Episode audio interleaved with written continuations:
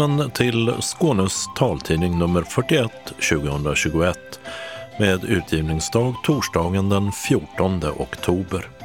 Solen gick upp 7.36 i morse och går ner igen ikväll 18.09.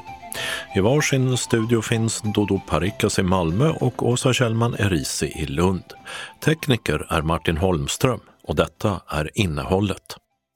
Gravt synskadade i Bromölla blev av med färdtjänsten efter 30 år. Vi följer lagen och rättspraxis, säger Skånetrafiken. Förödande för synskadade, säger SRF. Många hör nu av sig och är oroliga. Och politiker i ansvarig nämnd har också reagerat på färdtjänstbesluten. Beslut i Kävlinges kommunfullmäktige om att Skånetrafiken ska ta över färdtjänsten.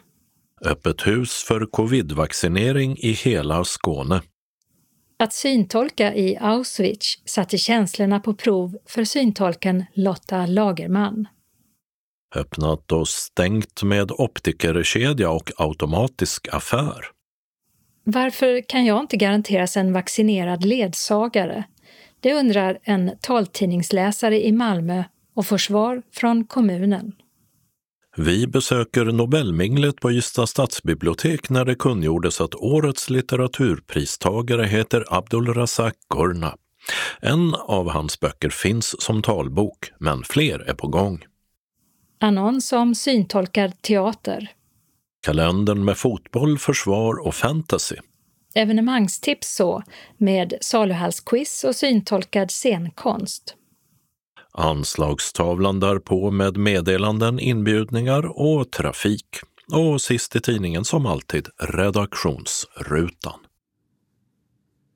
Gravt synskadade paret Mia Gunnarsson och Reine Gunnarsson i Bromölla har bägge haft färdtjänst i nästan 30 år, men inte längre. I somras ansökte de samma dag om varsitt förnyat tillstånd hos Skånetrafiken. Men den här gången blev det avslag ingen mer färdtjänst för någon av dem. Med motiveringen att de inte längre anses ha väsentliga svårigheter att förflytta sig på egen hand. Det var ganska chockartat kan jag säga för att även om vi hade fått någon form av förvarning om att det kan vara någonting på gång eh, så hade vi väl inte riktigt väntat oss det här. När vi fick det preliminära beskedet som var att vi skulle få avslag så blev vi väldigt chockade båda två. Ehm, vi har ju haft, jag har ju haft färdtjänst sedan jag var 13 år i ja, 29 år ungefär. Och Mia har haft färdtjänst i nästan lika länge. Alltså, jag har aldrig ifrågasatt att, att, att vi skulle ha färdtjänst, att vi skulle vara berättigade till det. Så att, nej, det var, det var väldigt chockartat och inget trevligt beslut att få. Ni har bägge ledarhund och går med vit käpp. Hur mycket ser ni egentligen, eller hur lite? Jag ser eh, ingenting alls på höger öga. Jag är helt blind sen födseln där. Och på vänster öga så ser jag 0,02. I praktiken innebär det att jag kan se större föremål på någon meters håll. Men jag kan inte se några detaljer och kan inte läsa med synen. Eh, men jag läser ju punktskrift och, och tal. Och ni har inga problem med att röra er, alltså fysiskt, att få ut och gå, utan det är då synskadan som är det som gör att ni har fått färdtjänst tidigare. Precis. Och det är det man underkänner nu, att synskadan inte räcker, om jag förstått det mm. rätt. Ja, det, ja, precis. Det stämmer ju. Vi, vi uppfattar ju det eh, nästan som en, eh, en 180 graders sväng här.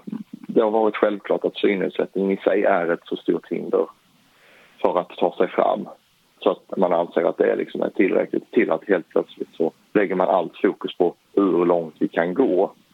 Och eh, det är ju, anser vi ju helt irrelevant för att ställer jag mig på en väg som jag känner till så kan jag ju gå i princip hur långt som helst men är jag någonstans där jag inte hittar så kan jag inte gå någonstans i princip. Du är i så fall helt beroende av någon annan person det, det är väldigt oväsentligt hur långt jag kan gå på mina ben så att säga. Det är inte rörelseförmågan som är, som är bekymret. Bägge två är ni ju aktiva människor med jobb och fritidsintressen. Mm. Vad betyder det att bli av med färdtjänsten? Ja, den frågan ställde vi till oss själva faktiskt för, för att vi, det tog ett tag innan vi riktigt fattade det här och, och vi satt och pratade och diskuterade vad kommer det här egentligen innebära för oss. Uh, och det insåg ju ganska snabbt att det kommer innebära en väldig massa saker. Alltså, till att börja med, om man börjar med liksom dit man kan ta sig med kollektivtrafik så, så kommer det innebära att även om det faktiskt går att ta sig eh, till ett visst ställe med tåg till exempel eller buss så, så innebär det här att vi kan inte få hjälp från tågstationen eller busstationen till adressen dit vi ska. Vilket innebär då att vi är helt beroende av att någon kan komma och möta upp oss. Och det är det ju långt ifrån alltid någon som har möjlighet att göra. Och ofta vill man kanske inte heller eh, vara en belastning eller vad man ska säga i den meningen att man vill begära det av folk. Att man vill kunna fixa det själv. Men sen att ta sig till ställen dit det inte finns så bra kollektivtrafikförbindelser eller om det krävs tågbyten eller bussbyten eller så, då, då funkar det inte att ta sig med kollektivtrafik heller utan kollektivtrafik kan vi använda förutsatt att det är en tågsträcka som vi känner till och att det inte krävs några byten på vägen på stationer som vi inte har någon koll på så att säga. Men om man tar ställen som kollektivtrafiken inte går till så är det ju helt kört för vår del att ta oss någonstans egentligen utan, utan hjälp från någon annan. Uh, det enda som återstår då möjligheten det är ju taxi eller att det finns någon annan som kan köra helt enkelt. Och det, ja, det, det är en enorm, det är jätte, jättestor inskränkning i friheten för vår del. Uh, ja, Veronica Knutsson, platschef för färdtjänsthandläggningen på Skånetrafiken. Hur kommenterar du att Reina Mia Gunnarsson har blivit av med färdtjänsten som de har haft så länge? Ja, eh, generellt som det brukar vara så är det ju så att vi kan inte uttala oss i det specifika ärendet utan generellt kan jag berätta att det är ju så att när vi bedömer om man har rätt till färdtjänst så tittar vi ju på den lag som finns och den har ganska många år på nacken. Och det är en ramlag också. Den berättar inte så i detalj exakt hur ska man bedöma om man har rätt till färdtjänst eller inte. Så då tittar både vi på färdtjänsten här på Skånetrafiken och alla färdtjänsthandläggare i hela Sverige faktiskt på de domar som då kommer ifrån domstolarna där de avgör när folk kanske inte har varit nöjda med sina beslut där domarna då uttalar sig lite mer i specifika ärenden. Hur kan man tänka? Och då får vi titta på dem då och se hur ska vi resonera i de ärenden som vi bedömer i. Ehm, när vi bedömer om rätt till färdtjänst så tittar vi ju på när man har en funktionsnedsättning som gör att eh, hur kan man förflytta sig eller hur har man förmåga att resa med allmänna kommunikationer. Och då är det ett begrepp som man kallar att man har väsentliga svårigheter att kunna företa sig detta. Så att det kan ju vara så att man har svårigheter men bedöms man då enligt lagens mening att ha väsentliga svårigheter det är där kring utredningen som färdtjänsthandläggarna rör, mycket rör sig. Ja, och här har ju då många haft färdtjänst på grund av bara inom citationstecken en synskada men inte problem med att gå för egen maskin. Eh, det här paret och många andra har haft färdtjänst i många år och fått det för att synskadan anses vara en väsentlig svårighet. Där har ni ändrat bedömningen eller? Ja, eh, jag ska inte säga att vi specifikt har ändrat bedömningen utan som sagt det kommer ju domar löpande hela tiden genom åren. Det kan komma en ny dom imorgon som som sagt som alla färdtjänsthandläggare över hela Sverige. Det kan ju vara i Malmö eller Lund också till exempel där Skånetrafiken inte sköter färdtjänsten. Så man måste titta på de här domarna och se så att man gör rätt och att det blir en rättssäkerhet att alla i hela Sverige bedöms på samma sätt. Sen har det kommit några domar just vad gäller synnedsättning som gör att där har det kanske blivit lite tydligare i hur man ska tolka lagen, i hur man ska göra bedömningarna. Och det är väl det som, som gör att man känner att det kanske har blivit en förändrad bedömning. Men som sagt, jag vill vara tydlig med att detta gäller oavsett funktionsnedsättning. Så att man kan ju ha andra funktionshinder också som gör att det kan komma ny praxis så att man kanske tidigare har haft färdtjänst men vid en ny prövning kanske inte får rätt till färdtjänst. Och domarna... Samtidigt vill jag inflika att som sagt all, de allra flesta som söker färdtjänst får också färdtjänst så att det är undantagsvis som man inte blir beviljad. domarna, ja det har funnits då domar i förvaltningsrätten och vidare uppåt om att flera synskadade personer har blivit av med sitt färdtjänsttillstånd som de har haft länge och hänvisas då till att åka med allmänna kollektivtrafiken. Eh, det är de du grundar den här benämningen på? Då. Ja, som sagt, det är domar som kommer ofta från kammarrätten eller Högsta förvaltningsdomstolen. Det är ju de som då blir vägledande för alla handläggare. Och som sagt, man måste göra en bedömning för varje person. Vad är det som gäller för just dig? Hur klarar du av att förflytta dig eller resa med allmänna kommunikationer? Det är den utredningen som får göras. För att det kan se väldigt lika ut mellan två personer men man kan ha olika förutsättningar eh, och då är det den, det som man ska prata med sin handläggare när man utreder om det finns rätt till färdtjänst.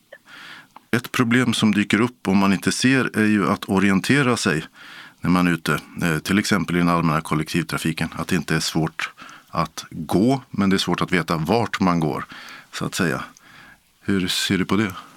Ja, det är precis de delarna som sagt som du säger. Att nej, det, är kanske inte just eh, förflyttningen som man behöver utreda utan det är förmågan att resa med allmänna kommunikationer. Och som sagt, eh, det är det man får då diskutera med handläggaren och man får beskriva hur är min situation, hur fungerar det för mig? Så är det utifrån det som man gör bedömningen om det finns väsentliga svårigheter eller inte. Men tidigare domar talar om rättspraxis. Är det det som ni följer? Är det det som är den ja. röda linjen? Det vi, vi håller oss till, som sagt, till rättspraxis. Det är det vi är skyldiga som myndighet, som alla myndigheter, även om det skulle vara Försäkringskassan eller kommunen, så ska man hålla sig till den rättspraxis som finns så att det blir en rättssäkerhet att alla i hela Sverige kan känna att jo, men mitt ärende bedöms lika oavsett om jag bor i Jämtland eller Skåne eller Blekinge. Men måste ni följa rättspraxis? Ja, eh, det, det, måste vi. Annars begår ju vi tjänstefel som, eh, om vi inte skulle förhålla oss till detta. Så att som myndighet så ska vi förhålla oss till den rättspraxis som finns. Sa Veronica Knutsson, platschef för färdtjänsthandläggningen på Skånetrafiken. Reine och Mia Gunnarsson tänker nu överklaga avslaget på färdtjänstansökan till förvaltningsrätten med hjälp av Synskadades riksförbund. Reporter var Mats Sundling. Att gravt synskadade Reine och Mia Gunnarsson blev av med färdtjänsten efter att ha haft den i decennier, det gjorde SVT ett inslag om i förra veckan och efter det har bland annat Kristianstadsbladet också skrivit om det. Och reaktionerna på hur Skånetrafiken nu resonerar har varit många, bland synskadade och politiker men också den bredare allmänheten. Kritisk är också SRF Skånes ombudsman Henrik Eld som bara sett ett liknande fall i Skåne tidigare och nu befarar att en trend från andra delar av Sverige kommit hit. Resonemanget om att Skånetrafiken nu måste följa rättspraxis håller han inte med om. Ja, det är förödande för de som drabbas av detta. Man begränsas ju något alldeles otroligt i eh, sitt liv när man inte kan resa med färdtjänst utan förväntas träna in alla vägar man behöver förflytta sig och att man ska åka med kollektivtrafiken som vi vet har tillgänglighetsbrister. Det har hänt i andra delar av landet att blinda har blivit av med färdtjänsten i Stockholm till exempel. Är det en, en ny trend? Ja, får man ju säga. Absolut på Skånetrafikens serviceresor så säger man att man bevakar rättspraxis och då har vi ju eh, det här fallet i Stockholm eh, där en ung blind man har nekats eh, färdtjänst. Så det är väl högst troligt att det är, är den rättspraxis man menar. Ja, Skånetrafikens Veronica Knutsson hänvisar till att färdtjänstlagen numera tolkas så här. Att tolkningen av vad som är väsentliga svårigheter i att ta sig fram och resa kollektivt att den är svårtolkad och att man nu lutar sig på rättspraxis istället för att göra som tidigare. Eh, mm. Vad säger du om den motiveringen? Nej, det är ju direkt felaktigt. Eh, jag kan ju förstå att man kan gå ut och säga så, men Skånetrafikens serviceresor har ingen skyldighet att följa rättspraxis. Färdtjänstlagen är en lägsta nivå som eh, kommuner och region har att följa. Men den säger inte att man inte får vara generösare än vad lagen anger. Och det är man ju också i Skånetrafikens färdtjänst. Så eh, får man ju resa i hela Skåne färdtjänstlagen säger att man ska erbjudas färdtjänst inom den kommun man bor i. Så att eh, det är ett märkligt resonemang att här måste man plötsligt följa rättspraxis för att tolka färdtjänstlagen. Men i andra ändan, när man väl har Skånetrafikens eh, färdtjänst så eh, är villkoren generösare än vad lagen anger. Om vi utgår från att det här är en ny policy som Skånetrafiken nu har infört när de bedömer om eh, synskadade ska få färdtjänst, vad händer då? Det är ju redan många som är oroliga för sin färdtjänst ifall det är ganska så i närtid att deras eh, färdtjänsttillstånd går ut och det, det ska göras en omprövning så är det klart att många som är väldigt oroliga nu och det kommer ju drabba jättemånga om man tillämpar det så här. Man säger att Skånetrafikens kollektivtrafik är tillgänglig för synskadade. Jaha, ja men det, den nivå av tillgänglighet som man har i kollektivtrafiken den räcker ju inte för alla. Det är högst individuellt ifall man klarar att resa med kollektivtrafiken med den nivå av tillgänglighet som finns. Och sen är det ju fullständigt orimligt att man ska träna in alla vägar att man säger att synskadade antas kunna träna in de vägar man behöver förflytta sig. Då har man ju inte förstått hur det fungerar. Den inträningen är ingenting som man kan göra själv eller som man underlåter att göra för att man är lite bekväm. Utan det måste man ha hjälp av en synpedagog eh, från Region Skånes synenhet för att de då tittar ut vad finns det för referenspunkter och, och, och så noterar det. Sen tillsammans går man sträckan och de visar på stolpar och ändring i strukturen på underlag eller väggar eller trottoarkanter man kan följa. Det är ett grannlaga arbete som man lägger ner och, och som kräver resurser på annat håll i regionen. Det, det, det, går inte att träna in vägar på egen hand. Då har man ett litet fönster som är som en apelsinklyfta med käppen framför sig. Och det får man utforska meter för meter för att eventuellt hitta de här referenspunkterna på egen hand. Men eh, det är oerhört lätt att missa en stolpe eller någonting annat. Så det, det, är ingenting man tränar in på egen hand. Och det tror jag inte att den kunskapen finns bland eh, ja, färdtjänsthandläggare eller för den delen eh, de som sitter i förvaltningsdomstolar. Den känslan får man ju, att man har helt bortsett från att eh, det, det hjälper inte att man kan gå, man är rent fysiskt rörlig om man inte vet vart man går. Då kan man ju gå rakt ut i trafiken. Andreas Sjöström, socialdemokrat och andre vice ordförande i Region Skånes kollektivtrafiknämnd. Vad säger du om att Reine och Mia Gunnarsson blev av med färdtjänsten som de haft i 30 år? Ja, jag tycker självfallet att det är upprörande. Och min princip är att kan vi från samhället underlätta för, eh, för skåningarna och svenskar i gemen att leva sitt liv på någorlunda lika villkor så ska vi klart göra det. Skånetrafiken hänvisar till rättspraxis och att eh, det är så här de tolkar färdtjänstlagen och att den måste tolkas så. Vad säger du om det? Nej, jag måste säga att jag har en väldigt annan uppfattning. Färdtjänst fungerar olika på olika ställen. Malmö eh, har eh, helt andra regler för sin färdtjänst jämfört med eh, Skånetrafiken så visst går det att göra olika. Våra reglementen anger ett golv och är det så att man kan göra det bättre och lite generösare då tycker jag vi ska sträva efter det. Synskada, ska det räcka som anledning att få färdtjänst? Ja, jag tycker det, självfallet. Det är klart att man kan gå och röra på sig, men man ska också kunna orientera sig. Eh, om färdtjänsten en dag släpper av en person, om, man kan ju ta en buss, men om bussen en dag släpper av en person på fel ställe så ska man ju kunna hitta därifrån. Eh, så att säga det så enkelt som att om man kan ta kollektivtrafiken istället för färdtjänsten så då tycker jag att man gör det bra enkelt för sig själv. Region Skåne och kollektivtrafiknämnden bestämmer ju över färdtjänstreglementet för Skånetrafikens serviceresor till exempel. Mm. Ja, är det här något beslut som ni har tagit? Nej, jag måste säga att jag känner inte igen detta utan jag uppfattar det som att Skånetrafiken har sett ett rättsfall och sen har man tolkat det rättsfallet i bedömningar eh, som vi gör i Skåne. Och jag tycker att det är felaktigt. Därför har jag bett en fullständig redogörelse på eh, kommande nämndsammanträde med kollektivtrafiknämnden jag vill veta om det är någonting i vårt reglemente som måste ändras för att man ska sluta och jaga synskadade på det här sättet. Det är en politisk nämnd. Finns det fler som kan eh, ändra på det här?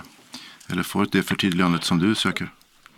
Ja, det tror jag absolut. Eh, är det så att eh, Alliansen och Sverigedemokraterna är överens med oss då får vi en majoritet för att förändra det.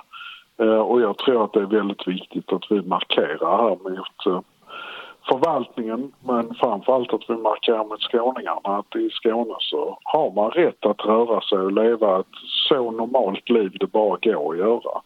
Och då måste man ju klart ha rätt till färdtjänst och annan hjälp som samhället kan erbjuda. Det sa Andreas Schönström, socialdemokrat och andre vice ordförande i Region Skånes kollektivtrafiknämnd. En annan ledamot där som vill lyfta frågan är Sverigedemokraternas Johan Wifralius som i ett skriftligt uttalande skriver citat det är svårt att föreställa sig vilket slag nekad färdtjänst är mot redan utsatta personer och deras möjligheter att klara av vardagen. Vi kommer följa upp detta. Vi vill att det utreds om det är lagstiftningen i sig som orsakar de här försämringarna och vill även utreda vad Skånetrafiken kan göra för att bevilja färdtjänst åt alla synskadade som är i behov av det.” Slutcitat. På fredag har kollektivtrafiknämndens beredningsutskott möte och där lär alltså reglerna kring vem som ska få färdtjänst med Skånetrafiken tas upp innan nämndens ordinarie möte i november. Reporter var Mats Sunding. Kävlinge kommun tog som väntat beslutet i kommunfullmäktige i måndags om att överlämna färdtjänsten till Skånetrafiken enligt det förslag som fanns. Det togs av ett helt enigt fullmäktige. Ann-Sofie Turesson, moderat ordförande i omsorgsnämnden, säger i en kommentar till Skånes taltidning Beslutet är nu taget och jag är glad över att samtliga partier står bakom. Nu fortsätter arbetet med Skånetrafiken om när övergången kan ske samt hur kommunikationen ska ske med våra färdtjänstresenärer så att allt löper så smidigt som möjligt. Så till covidläget där antalet nya registrerade fall går ner i Skåne, även om minskningstakten bromsat en aning och det finns en liten ökning bland personer över 60.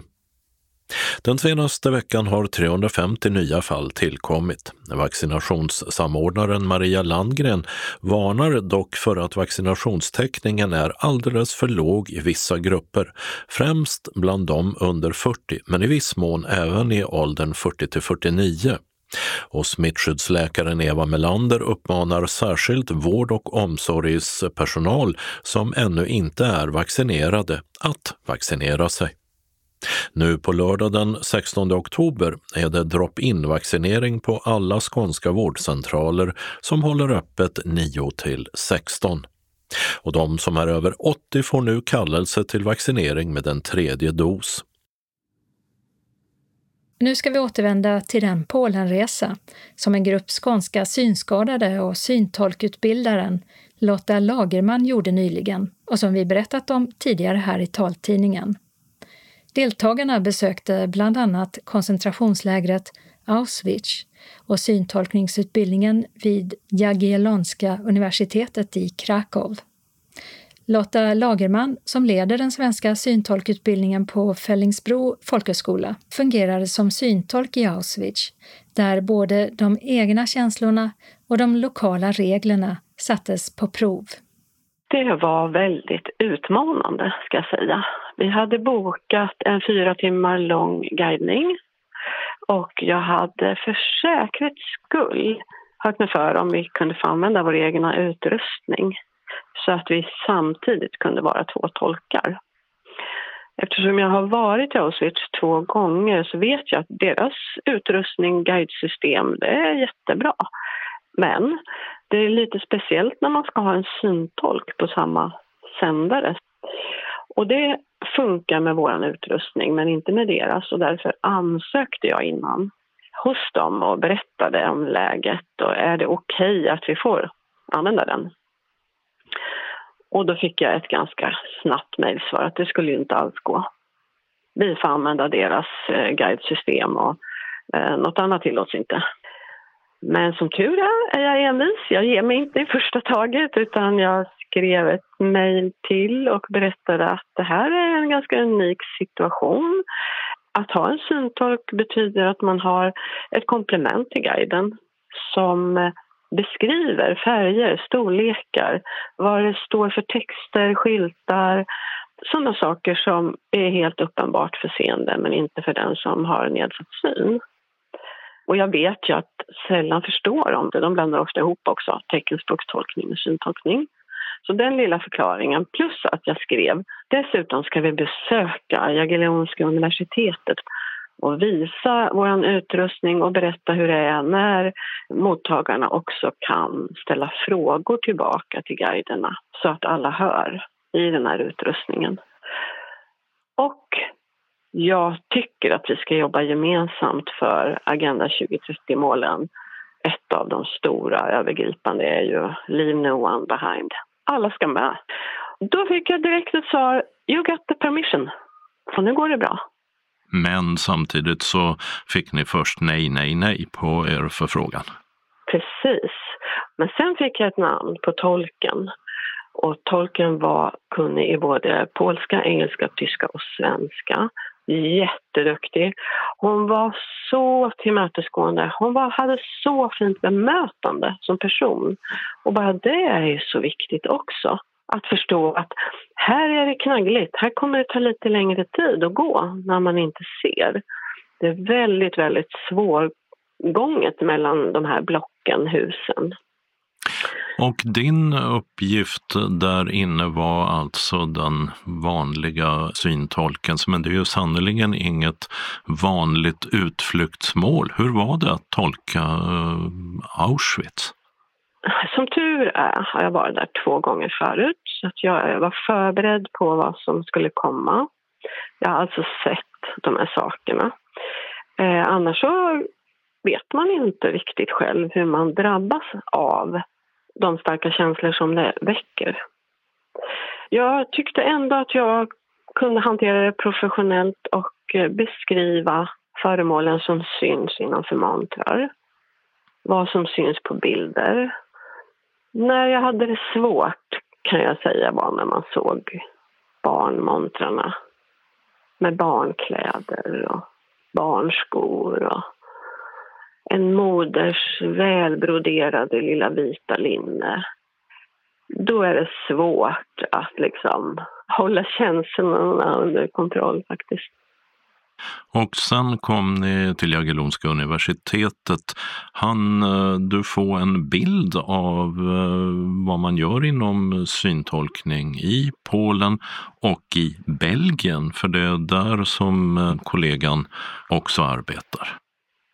Ja, Anna Jankowska är ju från Polen och har forskat på Jagiellonska universitetet men gått vidare och varit tre år i Barcelona och forskat och hon har nu flyttat till Antwerpen. Och när vi har besökt de stora konferenserna Arsad i Barcelona och en konferens i Poznan i Polen så märker vi att både Polen, Spanien, Belgien, Tyskland, England, Italien. Det är länder som, som är framgångsrika när det gäller syntolkning. Och de samverkar. De samverkar i stora projekt. Och där ligger vi lite efter kan man säga i Sverige. Där vi har en forskare och vi har en utbildning. Man har flera i de här länderna, på flera ställen. Och främst på universitet och hur det fungerar i eh, Polen där ni ju var. Fick du någon bild av det? Ja, det som vi pratade om där var ju lite hur lång är utbildningen och vad kan man arbeta med? Och jag kan säga att likheterna är ganska stora med Sverige. I år kommer vi ha utbildat 100 syntolkar, eller nästa år i maj under de tio år som vi haft syntolksutbildning. Och i Polen så sa han att det fanns ungefär 80-90 stycken. Och skillnaden är att där, där läser man ett språk, man blir språktolk och sen läser man sen en kompletterande kurs för att bli syntolk.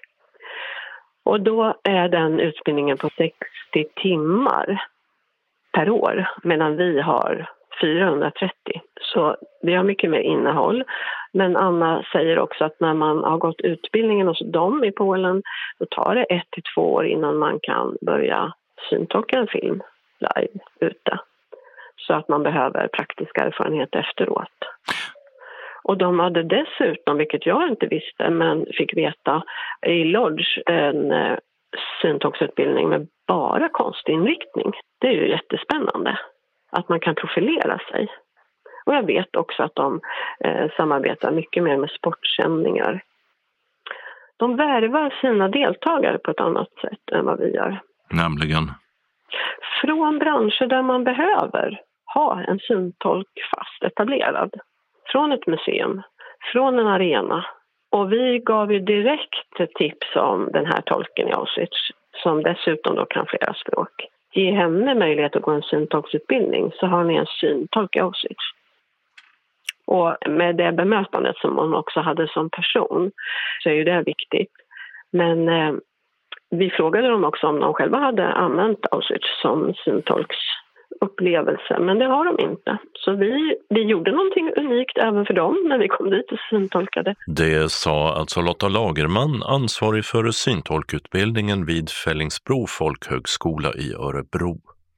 Vad säger då Anna Jankowska som Lagerman nämnde och som den svenska gruppen träffade på Jagellonska universitetet i Krakow? Anna Jankowska som alltså har erfarenheter från bland annat Polen och Belgien där hon forskar och arbetar idag.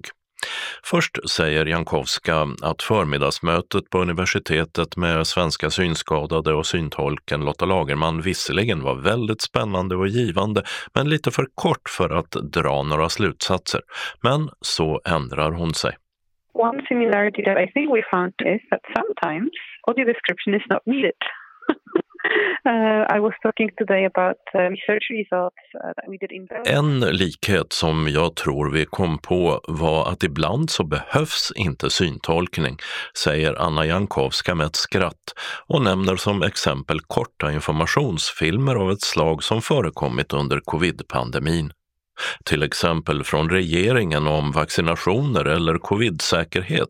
De är ofta syntolkade eftersom de måste vara det enligt lag. I Belgien så har vi sett att syntolkningen då kan upplevas som störande och när jag pratade om detta såg jag att alla svenskarna nickade jakande. För väldigt korta inslag är syntolkning inte alltid till någon hjälp, säger Anna Jankowska och tillägger att annars är situationen ganska likartad i länderna. But I think it's similar struggles that we have for audio description to be present and to be acknowledged and also to for people from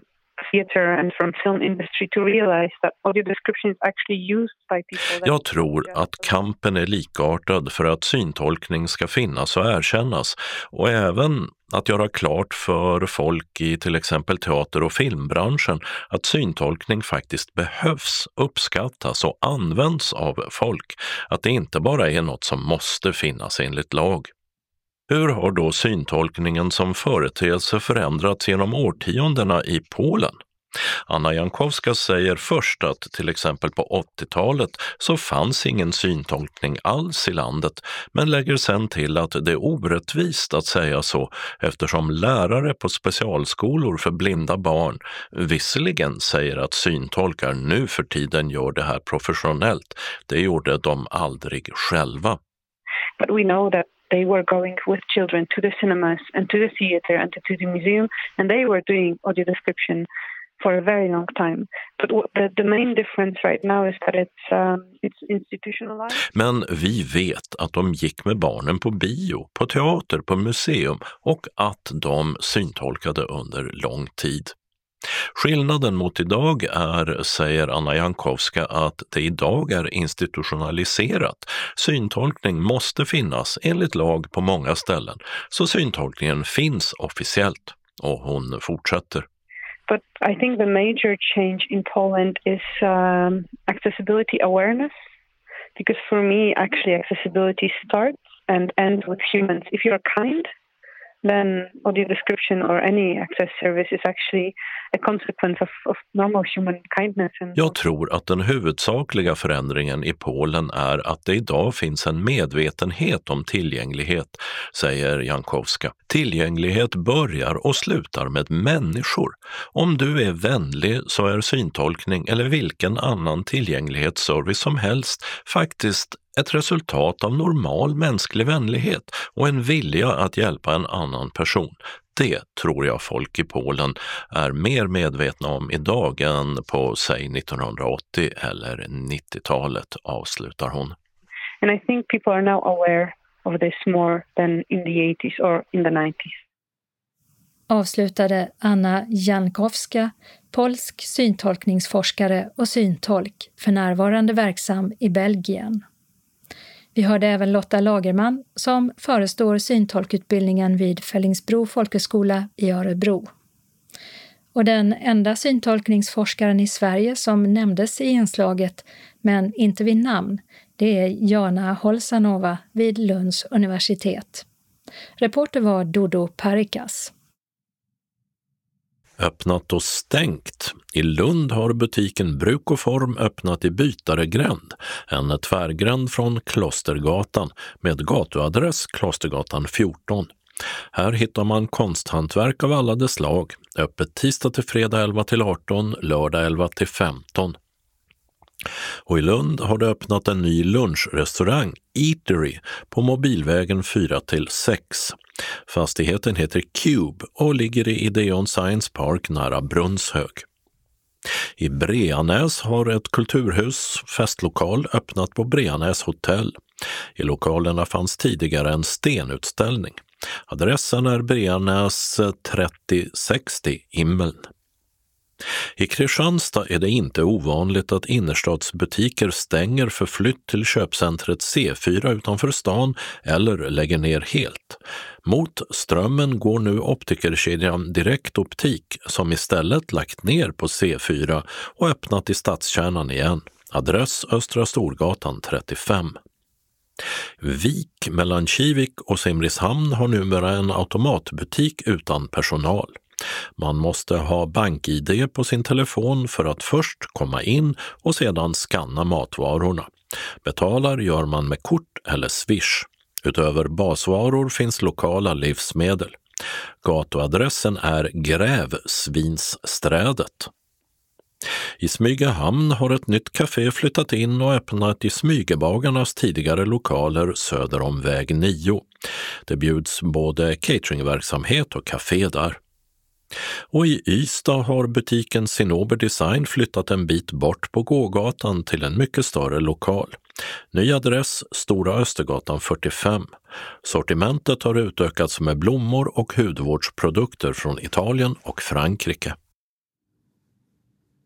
Så till en läsarfråga från Lars Bergqvist i Malmö, som är gravt synskadad och har ledsagningsservice från kommunen. Men det finns inga garantier för att den ledsagare som kommer till honom är vaccinerad mot covid-19. Detta oroar Lars Bergqvist. På grund av att jag ska göra en operation nu snart. Så för ett par veckor sedan när jag fick reda på det så gjorde jag en försiktig åtgärd. Jag är själv vaccinerad och jag tänkte då att det är bra då att ledsagaren också är vaccinerad. Så att jag kontaktade biståndshandläggaren då och frågade om om jag kunde ställa det som krav. Och i det läget då för ett par veckor sedan så sa biståndshandläggaren på, detta gäller då i, i Malmö stad, att eh, det var okej okay att jag skulle kunna ställa det kravet. Så att efter det så kontaktade jag de som sköter planeringen av schemat för ledsagarna och begärde då att jag skulle få en ledsagare. Som hade vaccination och det löste sig de första två gångerna med två olika personer som kom då. Men sen tredje gången så får jag bara det svaret att vi kan inte garantera det längre. Och jag förklarade då att jag vill ha det här som en försiktighetsåtgärd eftersom jag ska opereras och då sa de att de har inte rätt att fråga om ledsagaren är vaccinerad och jag tyckte det lät lite konstigt för att de är ju hemma hos, jag är själv inte så gammal men Men de är ju ute på hos många äldre personer så att jag tyckte att det borde ju verkligen vara ett ansvar för att alla ledsagare är vaccinerade då. Men då fick jag det svaret att det kunde de inte garantera. De kunde då ge mig en ledsagare men de sa då får du fråga själv om den här ledsagaren är, är vaccinerad. Det vill säga ansvaret gick till mig då att jag skulle fråga ledsagaren. Då sa jag okej, okay, vi kan göra så. Jag eh, frågade ledsagaren och då svarade personen att han var vaccinerad. Men däremot fick jag ju liksom ingen garanti. Jag begärde ju inte att jag skulle se hans vaccinationsintyg. Det tror jag inte jag hade kunnat få göra. Men jag fick ju lita på själv på den här personen vilket i och för sig då känns lite olustigt att det är jag som själv tar detta beslutet och inte ledsagarservice. Min fråga är varför tar man inte tag i det här och organiserar och ser till att alla personer som jobbar med ledsagning mot äldre personer eller personer i riskgrupp också är vaccinerad och gör en rutin som är acceptabel och, och planerar och de personer som inte är vaccinerade får så att säga göra ett annat arbete inom ledsagarservice eller hemtjänsten. När man nu, som jag har hört nu på tv och på radio de senaste dagarna så är det flera andra kommuner som just gör så. Och varför gör då inte Malmö kommun på samma sätt? Det undrade alltså taltidningsläsaren Lars Bergqvist i Malmö. Och när vi sökte Malmö stads ledsagarservice hänvisade de vidare till Malmös covidansvariga Pia Nilsson, enhetschef på hälsa, vård och omsorgsförvaltningen. Och hon börjar med att kommentera det faktum att Lars Bergqvist först fick svaret att kommunen kunde skicka enbart vaccinerade ledsagare till honom. Ja, till att börja vill jag beklaga att han har fått den här informationen. För det är ju ingenting som vi verkligen får eller kan registrera att någon medarbetare har tagit sin vaccindos för covid-19. Så det var tråkigt att höra att det hade blivit felaktig information där. Men det var ju bra för honom i praktiken just då, för då visste han att ledsagaren som kom var vaccinerad. Absolut, och det här är också upp till den enskilde att man kan fråga personerna som kommer, medarbetarna eller personalen som kommer, hur de själva vill informera om kring sin vaccination eller inte. Region Stockholm har ju till exempel valt att börja omplacera personal som inte är vaccinerade. Hur ställer ni er till det? Vi välkomnar ju verkligen någon rekommendation på nationellt plan hur det kan beröra alla kommuner och regioner i hela Sverige. Och eh, Statens medicinska råd och Sveriges kommuner och regioner de har ju uttalat sig i frågan att man vill öppna upp möjligheterna att titta på det här med eventuellt omplacering av personal om det är några särskilda skäl. Och även Socialstyrelsen eh, har ju sagt att man ska komma ut med någon vägledning så att vi välkomnar verkligen någon nationell rekommendation i de här frågorna. Även Malmö stad tittar ju på frågan kring detta.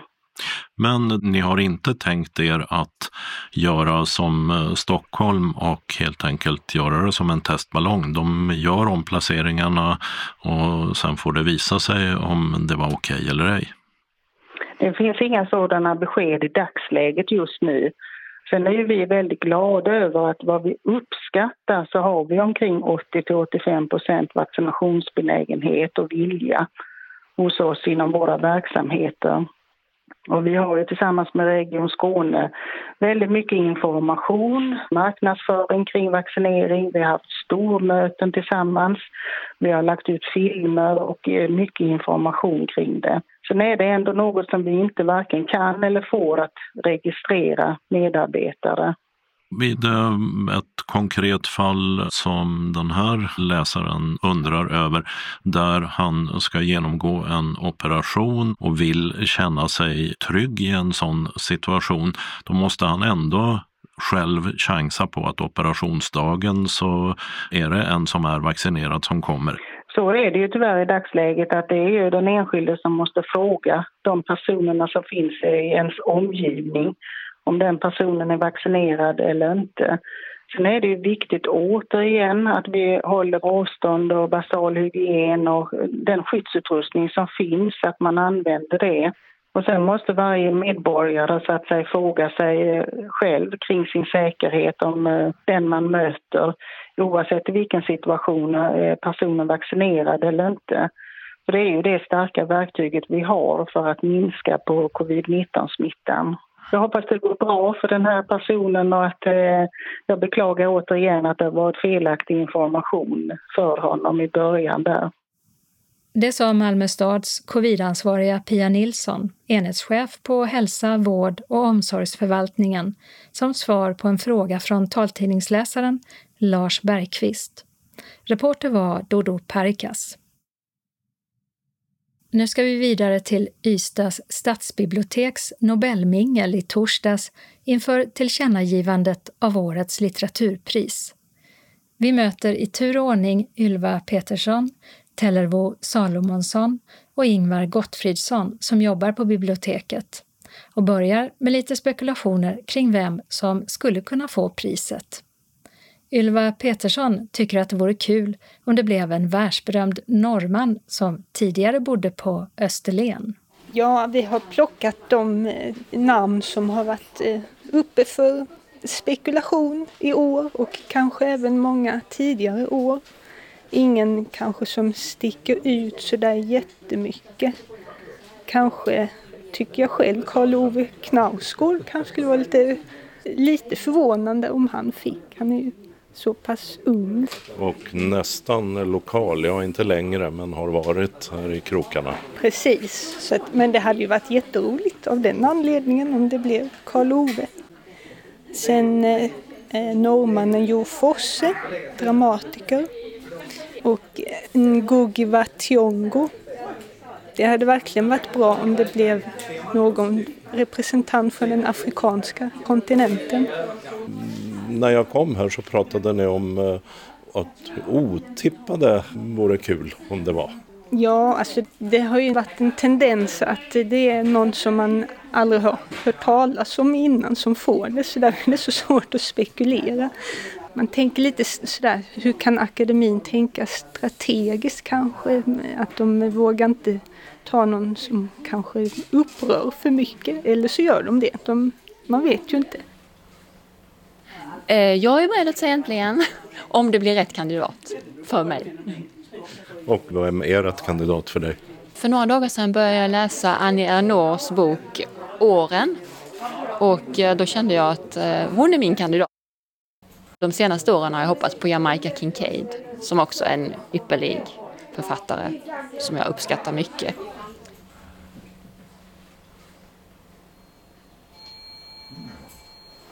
Nobelpriset i litteratur år 2021 tilldelas romanförfattaren Abdulrazak Gurna, född på Zanzibar och verksam i England, för att kompromisslöst och med stor medkänsla ha genomlyst kolonialismens verkningar och flyktingens öde i klyftan mellan kulturer och kontinenter.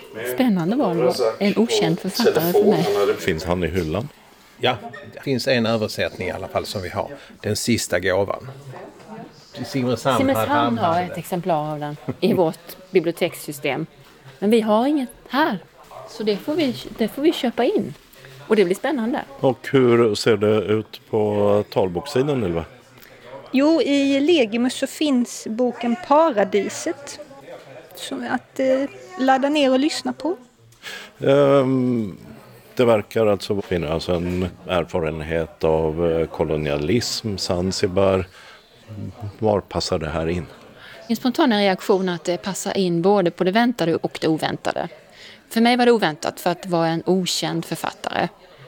Det är kanske inte oväntat i sig för det händer ju då och då att det är författare som är okända för mig eller den stora allmänheten.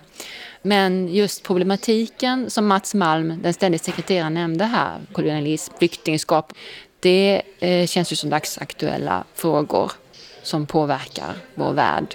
Så i det kan man ju säga att det är väntat, för det finns ju i eh, vad ska man säga, Nobelprisets historia, att man är, är ju en del av sin värld. Är du besviken att det inte blev som du hoppades? Nej, det blev jag inte. Jag brukar tycka det är roligt att det är författare som är obekanta för mig.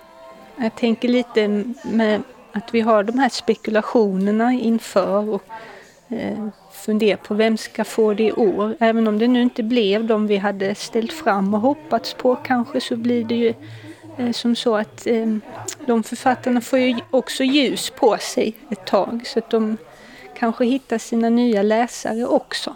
Så det är inte helt bortkastat så att säga. Och, och detta att det faktiskt blir andäktigt tyst här i biblioteket. Mm. Folk håller andan lite grann även om det inte blev något äntligen. Absolut, det kanske är ännu viktigare nu att vi har att det är på ett speciellt klockslag. Det är klockan ett första torsdagen i oktober. Att vi har något konkret att samlas kring när allting är tillgängligt alltid över hela världen. Men det här blir verkligen, nu måste vi stilla oss och lyssna här. nu, fem, tio minuter efter priset presenterades så har den sista gåvan 20 stycken reservationer. Det är en bra siffra på 10 minuter så är det en bra siffra. Och vi har beställt dem också hit nu till Ystad bibliotek så de kommer hit. Jag ska ställa mig på kö, absolut, för att det är spännande med nya som man inte har läst innan. Alltså biblioteket är mitt bästa ställe. Och sist i Nobelreportaget hörde vi låntagaren Ingrid Persson på Ystad stadsbibliotek. Från MTM har vi fått veta att även Gurnas roman Den sista gåvan är planerad för inläsning när de får tag i texten.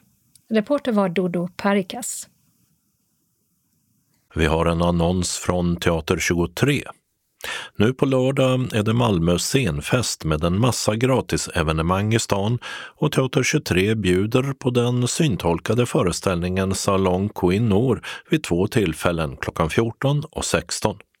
Bokningsbara biljetter finns på hemsidan malmoscenfest.se.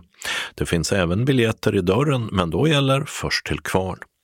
Syntolkningsintroduktionen går att höra på hemsidan teater23.se där du klickar vidare till Salong Koinor, K-O-I-N-O-O-R. Där finns även bilder och övrig information om pjäsen. Kom helst minst en kvart innan föreställningen så ni hinner lyssna på introduktionen om ni inte gjort det i förväg. Föreställningen tar cirka 45 minuter och Teater 23 finns på Djäknegatan 7 i Malmö. På Salong Quinor är det aldrig en lugn stund. Papiljotter ska rullas, toppar ska trimmas och askfat tömmas. Ann-Katrin spenderar varenda eftermiddag på mammas salong med att sopa upp hårrester och servera kaffe. Hon drar sig för att gå hem. Där är så tyst och tomt. Salon Koinor är en humoristisk föreställning om att hitta sin plats i livet i en ålder då relationer blir allt krångligare.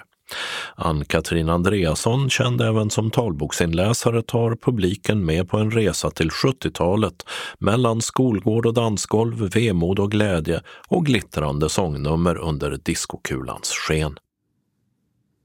Kalendern i vecka 42 börjar med måndagen den 18 oktober då Lukas har namnsdag. I Kitakyasho i Japan börjar VM i artistisk gymnastik som håller på fram till den 24 oktober.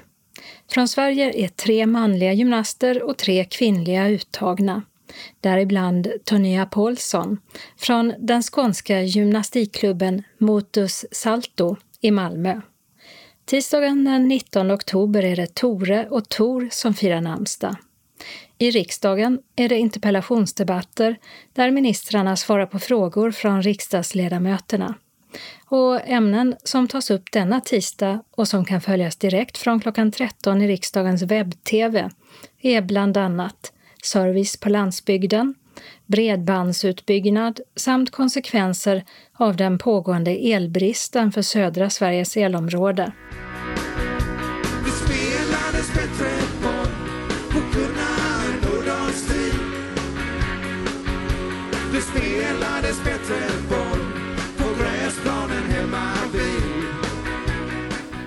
För hundra år sedan föddes fotbollsspelaren och anfallaren Gunnar Nordahl i Hörnefors i Västerbotten. Här besjungen av Lundabandet Torsson. Han blev ett av de första fotbollsproffsen i Sverige när han värvades till AC Milan i Italien. Innan dess hade han varit med fyra gånger och vunnit allsvenskan med IFK Norrköping. Lika många gånger blev han skyttekung. Han spelade också i landslaget som tog OS-guld i London 1948. I Italien blev han en av de riktigt stora skyttekungarna och fick många smeknamn. Il Canoniere, Skyttekungen, Il Pompiere, Brandmannen och Il Bisonte, Bisonoxen. Tillsammans med Gunnar Gren och Nils Lidholm bildade han en fruktad trio i AC Milan som fick smeknamnet Grenoli. Men genom att bli proffs så kunde han inte längre spela med landslaget eftersom man då hade stränga regler som sa att endast amatörer fick spela där. Efter sin karriär som fotbollsspelare fortsatte han som tränare i många år. Han avled 1995, 73 år gammal. Den brittiske författaren Philip Pullman fyller 75 år. Mest känd är han för sin fantasy-trilogi Den mörka materian, som består av böckerna Guldkompassen, Den skarpa äggen och Bärnstenskikaren, som alla finns inlästa som talböcker. Pullman ses som en förnyare av fantasygenren genom att introducera många främmande världar i sina böcker och låta det onda och goda vara tvetydigt. Han har också skrivit många historiska romaner. 2005 fick han Alma-priset, Astrid Lindgren Memorial Award, som delas ut till barn och ungdomsboksförfattare. Onsdagen den 20 oktober har Sibylla namnsdag. Torsdagen den 21 oktober har Ursula och Yrsa namnsdag. I dagarna två sammanträder Europeiska rådet i Bryssel och ministrar från medlemsländerna deltar. En fråga som såklart står på dagordningen är den pågående pandemin och covid-19. Fredagen den 22 oktober heter namnsdagsfirarna Marika och Marita. Den norske längdskidåkaren Johannes Höstflot Kläbo fyller 25 år. Hans största bedrift hittills är tre OS-guld vid vinterspelen i Pyeongchang i Sydkorea 2018 i sprint, sprintstafett och i den långa stafetten. För 220 år sedan föddes kompositören och pianovirtuosen Franz Liszt i dåvarande kungariket Ungern. Redan som 11-åring debuterade han som konsertpianist. Liszts egna pianoverk är mycket omfattande. 123 verk, både tekniskt krävande och nyskapande. Gator, torg och till och med en asteroid har uppkallats efter honom. Lördagen den 23 oktober är det Severin och Saren som har namnsdag. I Falun i Dalarna återinvigs regementet I13. Infanteriförbandet grundades redan 1625 och verkade i olika former fram till 2000. Men nu återinvigs det alltså av kung Karl den 16 Gustav. Och det här är ett led i att Försvarsmakten fått i uppdrag av riksdag och regering att stärka Sveriges försvarsförmåga eftersom omvärldsutvecklingen bedöms som osäker och instabil. För 220 år sedan genomfördes den första vaccinationen mot smittkoppor i Sverige. Den farliga sjukdomen med hudutslag var den första sjukdomen som man kunde vaccinera mot. Och 1980 förklarade Världshälsoorganisationen, WHO, världen fri från smittkoppor och avslutade ett tioårigt utrotningsprojekt där man aktivt sökte upp alla misstänkta fall i de länder där sjukdomen fanns och vaccinerade befolkningen kring de hittade fallen. Sist att förklaras fritt från smittkoppor var Somalia 1977. Söndagen den 24 oktober avslutar veckan och namnsdag det har Evert och Eilert. I flaggstängerna vajar flaggorna eftersom det är FN-dagen och i Uzbekistan, Argentina och Chad hålls presidentval. Evenemangstips Och vi börjar med några kommande syntolkningar av föreställningar i november som syntolkning.nu gör. Den 3 november kan man se Anton Tjechovs komedi Måsen på Intiman i Malmö. Föreställningen börjar klockan 19 och är två timmar och 10 minuter lång och rekommenderas för de som är över 15 år. Biljetterna kostar från 250 till 420 kronor. Den 6 november finns ett fåtal biljetter kvar till En midsommarnattsdröm på Malmö Opera. Det är regissören Peter Halls uppsättning av Benjamin Brittens opera En midsommarnattsdröm som bygger på William Shakespeares komedi. Den ges på engelska och biljetterna kostar 430 kronor. Den 9 november klockan 19 syntolkas föreställningen Eufori på Stadsteatern i Lund. Det är en nyskriven musikal med musik av Rebecca och Fiona tillsammans med Simon Hagström. Till tonerna av en 90-talsinfluerad musik sjungs en kärlekssaga fram, mitt i internets födelse och ekonomisk eufori. Biljetterna kan köpas via Visit Lund på telefon 046 13 14 15. Och slutligen, den 28 november ges En kväll med Italia på Malmö Opera klockan 16 som syntolkas. Och den beskrivs som en underhållande operettgala med vacker musik, flärdfulla kostymer, dans, glam och humor.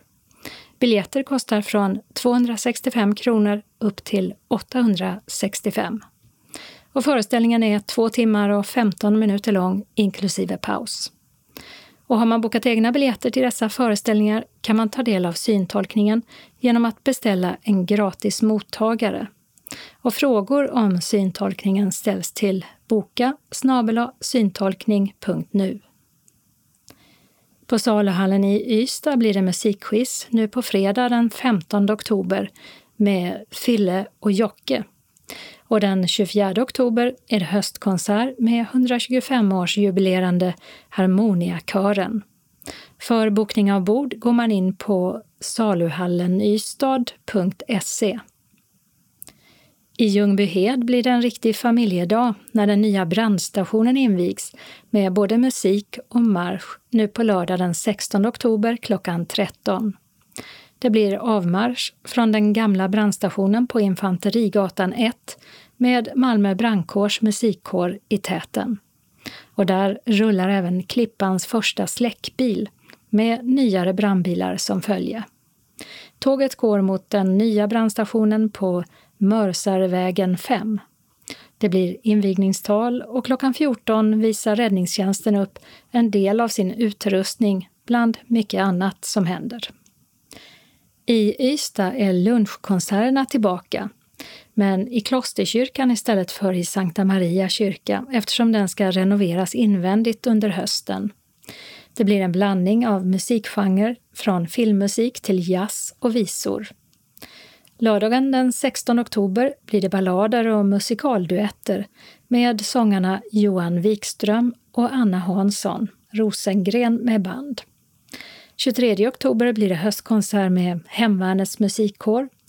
30 oktober sonater för mandolin och cembalo av Vivaldi och Beethoven med Lars Forslund och Maxine Risotto. Den 13 november spelar Duo Elba klarinett och de spelar musik av kvinnliga tonsättare, bland andra Alice Tegnér. Den 20 november står Jorden runt på visans vingar med Thomas och Karin Wiehe på programmet. Och höstens lunchkonserter, som alla börjar klockan 12, avslutas den 27 november med att Brösarpskantorerna spelar traditionell advents och julmusik, men även en del folkliga visor och salmer. Musikpärlor med Söderslätts musikkår kan man lyssna till i Västervångsskolans idrottshall i Trelleborg. Lördagen den 16 oktober klockan 14.30 eller 17.00. Konferencier är Nils Gunnar Snygg och dirigent Mikael Nordberg. Biljetter som kostar 295 kronor säljs av Söderslätts Bok och Papper eller hemsidan soderslatsmusikkar.se. Under biblioteksveckan i Trelleborg kan man höra flera lunchföredrag, men också kvällsföredrag på biblioteket. Måndagen den 18 oktober håller Ingmar Ottosson en lunchföreläsning om enkekejsarinnan Si Qi av Kina. Det handlar om hur en konkubin tog makten i Kina och sen behöll den i decennier. På kvällen kan man lyssna på Eva Fröling som pratar om sin bok Moderliv. Den 19 oktober handlar det om hur fysiken förbättrar vården. Det är Sofie Seberg som föreläser på lunchen om hur strålbehandling kan anpassas så att strålningen endast träffar tumören utan att skada frisk vävnad runt omkring. På kvällen är det goalballspelaren, föreläsaren, författaren med mera, Fatmir Seremeti, som berättar om sin bok Från mörker till framgång. Den 20 oktober är rubriken på föredraget Klimat, kulturarv och katastrofer. Vad vi kan lära från träd. Det är Johannes Edvardsson som berättar. Och på kvällen så kan man lyssna till ett samtal med filmregissören Jan Troell. Torsdagen den 22 oktober handlar det på lunchen om Islamiska statens uppgång och fall. Svante Lundgren föreläser. På kvällen är det musikern Pa Modou Badje som berättar om sitt budskap Vilja, våga, välja väl. Och alla lunchföredragen de är klockan 12 medan kvällsföredragen börjar klockan 19. Biljetterna för kvällsföredragen kostar 120 kronor och de kan förbokas genom att man skickar ett mejl till arrangemang.bibliotek trelleborg.se och förbokade biljetter hämtas ut senast en vecka innan arrangemanget. De Crafoordska vetenskapsluncherna pågår på Lunds stadsbibliotek och nästa möjlighet att lyssna är den 20 oktober. Det är en föreläsning av forskaren i neurokirurgi, Saema Ansar, med rubriken Förbättra återhämtningen efter stroke med nanoteknologi. Den 27 oktober handlar det om Kan man fotografera en elektron? Per Eng Jonsson som är forskare i atomfysik håller i den. Den 17 november föreläser Adam Linder som är forskare vid infektionsmedicin om sepsis och covid-19, livshotande tillstånd som kräver individualiserad behandling. Och slutligen, den 24 november, då är rubriken på forskaren i biodiversitet, Anna Runemarks föreläsning Hur uppstår nya genetiska anpassningar? Alla föreläsningar är gratis och öppna för allmänheten. De hålls i bibliotekets atriumgård klockan 12. Föranmälan behövs och görs till Lunds stadsbibliotek. Vetenskapsluncherna är ett samarbete mellan Lunds universitet och stadsbiblioteket. Biblioteket i Simrishamn får besök av författaren Mikael Bergstrand den 20 oktober klockan 17.30. Han kommer att berätta om arbetet med boken Konsulten som inte ville bada och om hur han får inspiration till sina berättelser och karaktärer. Föranmälan till biblioteket krävs eftersom det är ett begränsat antal platser och den gör man på telefon 0414 81 93 21. Biljettinformation syntolkning.nu 031 360 84 45 Malmö Opera 040 20 85 00 Malmö Stadsteater 040 20 86 10 Lunds stadsbibliotek 046 35 59 90 Den regionala anslagstavlan inleds med ett meddelande från Skånetrafikens serviceresor.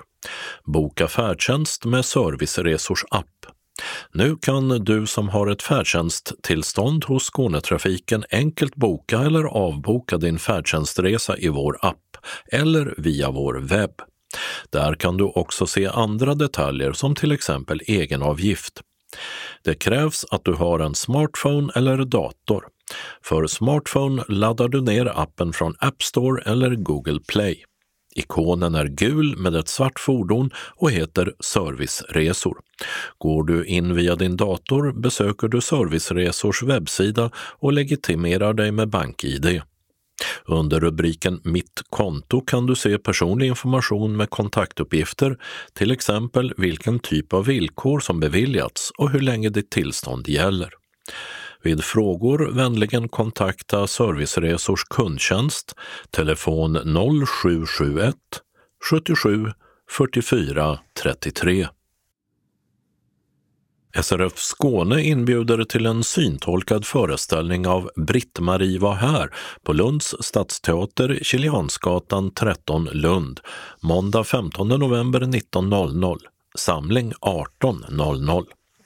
En varm komedi med Marianne Mörk i alla roller. En kärlekshistoria om en kvinna som väntat ett helt liv på att hennes liv ska börja. Det är berättelsen om samhällen där fotboll och pizzerior är det sista som överger människorna. Britt-Marie, 63, har just lämnat sitt 40-åriga äktenskap bakom sig och startar upp sitt liv på nytt. Det enda arbete hon kan få är i Borg, ett samhälle om vilket det snällaste man kan säga är att det ligger vid en väg. Borg har inget annat än fotbollen kvar. Britt-Marie hatar fotboll. Detta är inte början på en underbar vänskap. Britt-Marie var här efter Fredrik Backmans bok med samma namn är en hyllning till livet som med humor och värme uppmanar oss att gå ut från salongen och ta tillvara på allt som är oss kärt. Boka färdtjänst till Stadsteatern, Lund, Kiliansgatan 13 för ankomst 18.00. Hemresa cirka 21.45 eller senare. SRF Skåne står för reskostnader efter att kvitton inkommit senast tre månader efter genomförd aktivitet samt endast inom Skåne. Bor du utanför Skåne så betalar SRF Skåne endast för kostnaden från länsgränsen. Biljettpris 345 kronor, ledsagare utan kostnad. Betala till bankgiro 484-0989 eller swish 123 312 6299. Glöm ej att skriva ditt och aktivitetens namn. Vill du ha inbetalningsavi så säg till vid anmälan till SRF Skåne på telefon 040 777 75 eller e-post srfskane srfskane.se. Berätta om du har egen ledsagare med eller behöver ledsagare från SRF som du då får dela med någon annan. Deltagarförteckning skickas inte ut inför teaterbesök. Du får bekräftelse via e-post eller brev. Biljetterna delas ut på plats. Obs! Har du frågor eller blir försenad med färdtjänst den 15 november så ring Maj-Britt Ryman 0703 24 6609.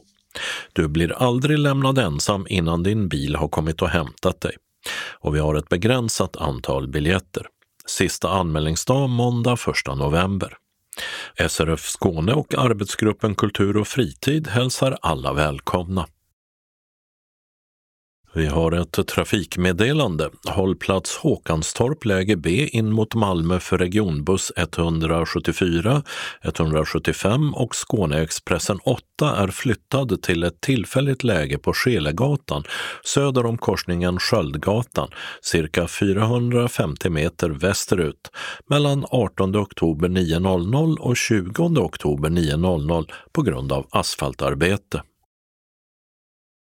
Anslagstavlan för norra Skåne börjar med en inbjudan till Vita käppens dag från SRF Västra Skåne. Fredag 15 oktober 13.45 till 16.00. Vi samlas i föreningens lokal Vaktgatan 3, Helsingborg för att vandra på Drottninghög, Blåkullagatan, Grönkullagatan och Rödkullagatan och inventera samt lappa elsparkcyklar. Efter promenaden blir det fika i föreningens lokal. Meddela till kansliet om du tänker vara med så vi kan planera fika. Telefon 042 15 83 93 eller e-post srf.monica telia.com. Glöm inte den vita käppen. Ledarhundar också välkomna. SRF Västra Skåne bjuder sen in till gåsmiddag onsdag 10 november på Söderåsens värdshus klockan 15 till 18. Samling för buss, SRFs lokal på Vaktgatan 3 klockan 14.15. Deltagaravgift 200 kronor för medlemmar i SRF Västra Skåne och 425 för övriga. Vi kommer att få svartsoppa eller annan soppa, troligtvis svampsoppa som förrätt. Sen blir det gås med tillbehör. Till efterrätt äppelkaka med vaniljsås. Från föreningens lokal kommer buss från Alternativ Trafik att köra. Bussen rymmer 30 personer. Meddela vid anmälan om du önskar annan soppa och om du vill åka med bussen. Anmälan görs till kansliet senast måndag 25 oktober klockan 12. Inbetalningskort med deltagaravgift skickas eller delas ut till alla. Välkommen önskar styrelsen. SRF Ängelholm Båstad inbjuder härmed till den årliga traditionella gåsmiddagen för våra medlemmar söndag 7 november 16.00. I år på Nilssons festvåning Ängelholm, adress Rönnegatan 2A. Vi avnjuter en trerättersmeny. Den består av förrätt, svartsoppa eller svampsoppa, huvudrätt gås med tillbehör. Som avslutning traditionell äppelkaka. Kaffe efter maten ingår, liksom vatten eller lättöl till maten. Det finns möjlighet att köpa till ett vinpaket som består av ett glas sherry, ett glas rött vin med påfyllning samt ett glas portvin som du betalar på plats för 225 kronor. Du betalar som medlem 170 kronor för middagen. Stödjande medlem som är ledsagare till synskadad betalar samma pris. Övriga som vill delta betalar fullt pris, 350 kronor.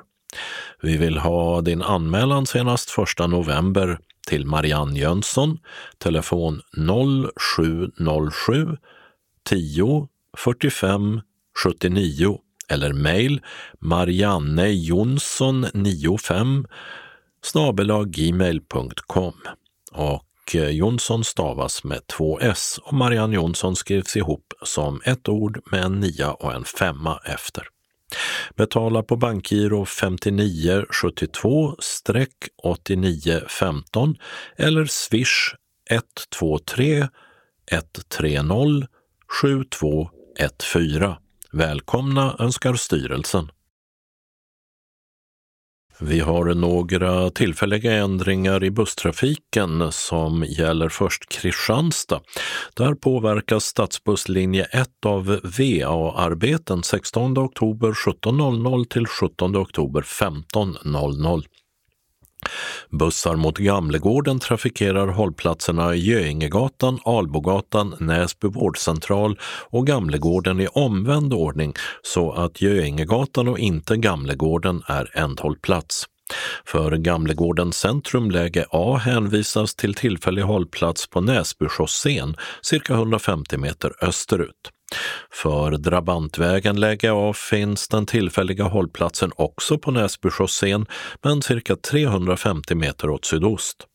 För Drabantvägen läge B hänvisas till Gamlegårdens centrum läge B cirka 300 meter åt sydost och för Vemmenhögsgatan i bägge riktningar till hållplats Göingegatan också i bägge riktningar cirka 550 meter åt nordost på Tvedegårdsvägen. Och i Helsingborg är hållplats Gravörgatan för stadsbuss 2 stängd åt bägge håll natten mellan 17 och 18 oktober midnatt till 07.00. Hänvisning till Ramlösa brunn på Folke Bernadottes väg. Anslagstavlan för mellersta och sydöstra Skåne innehåller inbjudningar från SRF Lundabygden som först inbjuder till SRF-träff med Polar Print måndag 25 oktober. När höstmörkret faller samlas vi i föreningslokalen för att få lite information om nya hjälpmedel. Vi får besök av Pia Lindgren och kompani från Polar Print som kommer att visa och berätta om några av de senaste hjälpmedlen. Vi serverar kaffe och tårta och missa inte denna SRF-träff utan skynda dig att anmäla dig. Vi samlas i föreningslokalen Tordönsvägen 4 i Lund klockan 13.30 till 15.30. Anmälan behöver vi senast 18 oktober och din avgift blir som vanligt 20 kronor. Välkommen! SRF Lundabygden bjuder även in till Mårtensfest med gåsamiddag lördag 13 november. Årets traditionsenliga gåsamiddag kommer att hållas på Örestads golfrestaurang, Golfvägen 4, Lomma.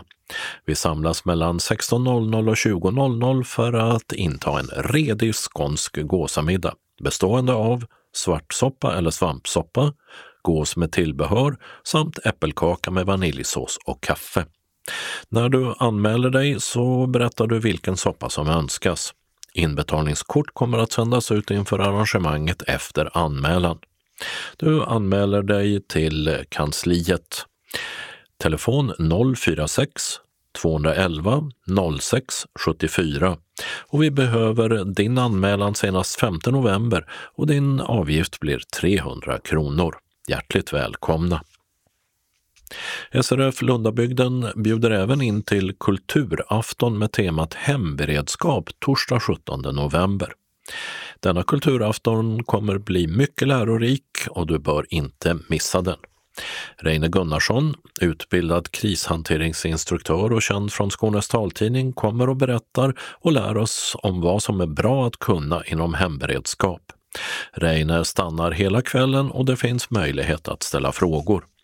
Samling 18.00 till 21.00 i föreningslokalen. Vi kommer att servera något gott att äta samt kaffe och kaka. Anmälan behöver vi senast 11 november och avgiften är 50 kronor. Varmt välkommen! Anslagstavlan för sydvästra Skåne innehåller meddelanden från SRF Malmö Svedala och ändringar i busstrafiken. SRF Malmö Svedala inbjuder till sin dagverksamhet vecka 42. Vi serverar kaffe och smörgås eller kaka till en kostnad av 10 kronor och vill att alla anmäler sig till kansliet telefon 040-25 0540 om man tänker komma på någon av dagaktiviteterna. Senast klockan 10 samma dag som aktiviteten. Känner man sig sjuk stannar man hemma. Måndag 18 oktober 13 15 blir det tidningsläsning och eller frågesport. Och tisdag 19 oktober 13-15.15 15 blir det bingo. Det blir även sopplunch på föreningen. Välkommen fredagen den 29 oktober 13.00. Vi bjuder på sparrissoppa och avslutar med kaffe och en liten kaka. Är du medlem i SRF Malmö Svedala får du allt det här för 30 kronor. Icke-medlemmar betalar 50 kronor. Färdtjänsthem kan beställas till 14.30. Vill du vara med så anmäl dig på telefon eller mejla info srfmalmo.se senast tisdag 26 oktober. Varmt välkomna önskar styrelsen. SRF Trelleborg med omnejd bjuder in till årets gåsamiddag lördag 13 november på Weinberg hotell, Idalavägen 33-5 Trelleborg klockan 18 till 21. Det blir femrätters gås med krås i en gammal Skånelänga. Restaurangen är belägen i gårdens orangeri. Föreningen subventionerar denna middag. Alla eventuella alkoholhaltiga drycker betalar du själv.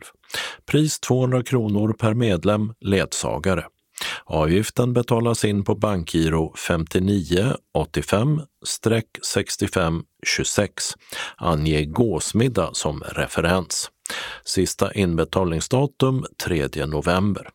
Anmäl dig senast fredag 29 oktober till Christian 0708 46 86 26 eller e-post c.andersson412 gmail.com eller Fredrik 0736 63 65 42 eller e-post fredrik.jonsson snabelatsize.com z-e-i-s-s vid anmälan vill vi veta om du tänker äta svartsoppa eller hummersoppa och om du har någon matallergi. Väl mött, styrelsen.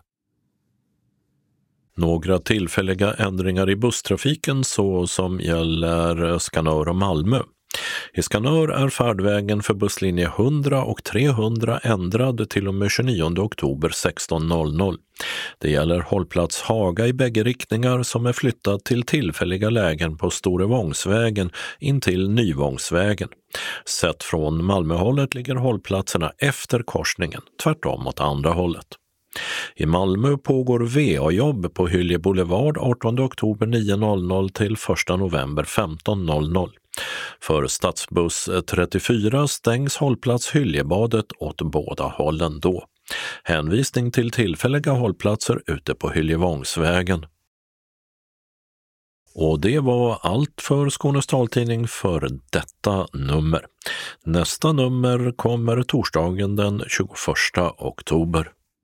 Skånes taltidning ges ut av Region Skånes psykiatri och habiliteringsförvaltning. Ansvarig utgivare är Martin Holmström. Postadress Jörgen Ankersgatan 12, 211 45 Malmö. Telefon 040-673 09 70. E-post Skanes taltidning snabela skane.se och hemsida skanestaltidning.se. Vi hörs igen. Hej då!